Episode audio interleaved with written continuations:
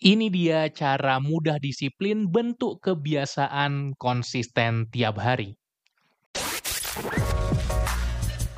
Halo, selamat datang di podcast Cerita Pembelajar. Kamu akan mendengarkan cerita mengenai pengalaman, gagasan, dan pembelajaran.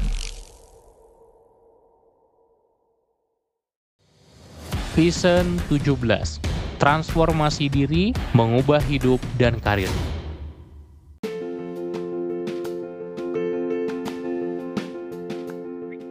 Hai, balik lagi di podcast cerita pembelajar bareng gua Umar dan kali ini gua ingin share personal transformation gua saat belajar tentang habit. Gua merasa seperti punya super power baru setelah membaca banyak buku tentang habit dari Atomic Habits-nya James Clear yang paling populer, The Power of Habit Charles Duhigg, Tiny Habits BJ Fogg, Mini Habits, dan banyak lagi buku-buku tentang habit lainnya yang gue tamatin. Dan dari situ gue tertarik untuk belajar lebih detail. Sampai gue memformulasikan ada 100 teknik membentuk kebiasaan yang gue bongkar semuanya di course gue Permanent Automatic Habit.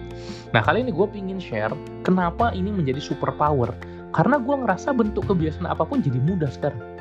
Seakan-akan gue bisa bentuk kebiasaan apa pun semau gue karena tahu caranya gitu loh karena tahu tekniknya, tentu butuh proses.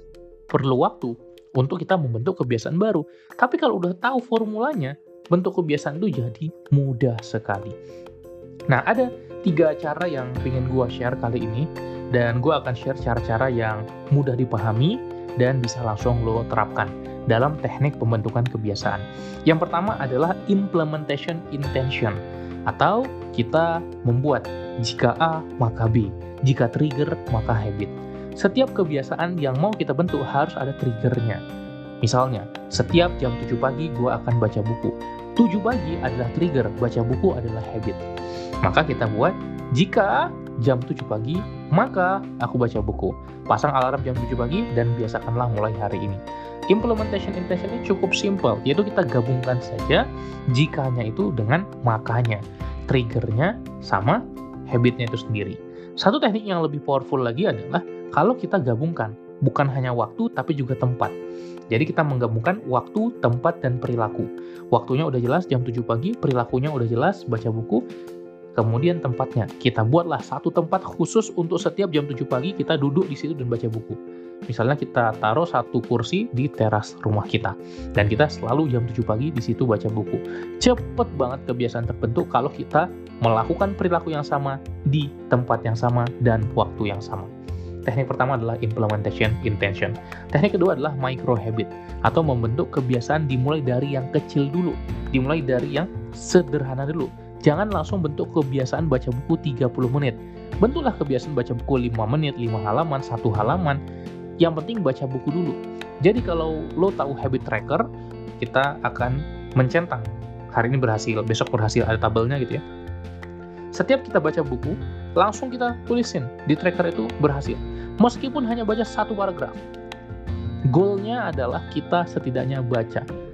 Dan ketika mudah sekali kebiasaan yang perlu kita lakukan, kita akan melakukannya setiap hari dengan gampang.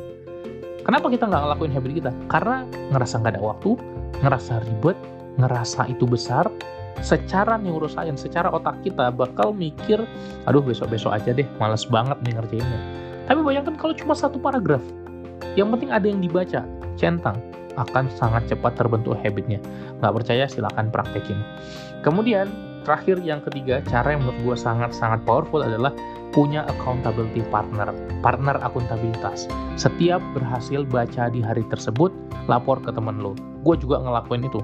Lapor ke teman gue setiap gue berhasil melakukan habit tertentu. Dan ini bisa memberikan gue banyak sekali habit. Bangun pagi, baca buku, journaling, dan banyak habit-habit lainnya. Jadi tiga cara ini sederhana, dan episode ini singkat saja. Yang penting sebenarnya bisa bermanfaat dan berguna kan dan kayaknya ke depannya gue lebih pingin bikin episode singkat-singkat saja supaya praktikal gitu ilmunya bisa langsung lo dapetin lo praktekin dan lo rasain manfaatnya Oke, okay? yang pertama tadi apa? Implementation intention. Yang kedua adalah micro habit. Dan yang ketiga adalah accountability partner. Kalau ada yang lo kurang paham, lo pengen tanya, silahkan boleh DM gue di Instagram, pembelajar produktif. Atau uh, bisa tanya juga di komunitas kita Sobat Pembelajar di Telegram ya. Kalau lo belum join silahkan ke silahkan ke link di bio gue. Itu aja buat episode kali ini. Semoga bermanfaat. Sampai jumpa di episode berikutnya besok. Salam pembelajar.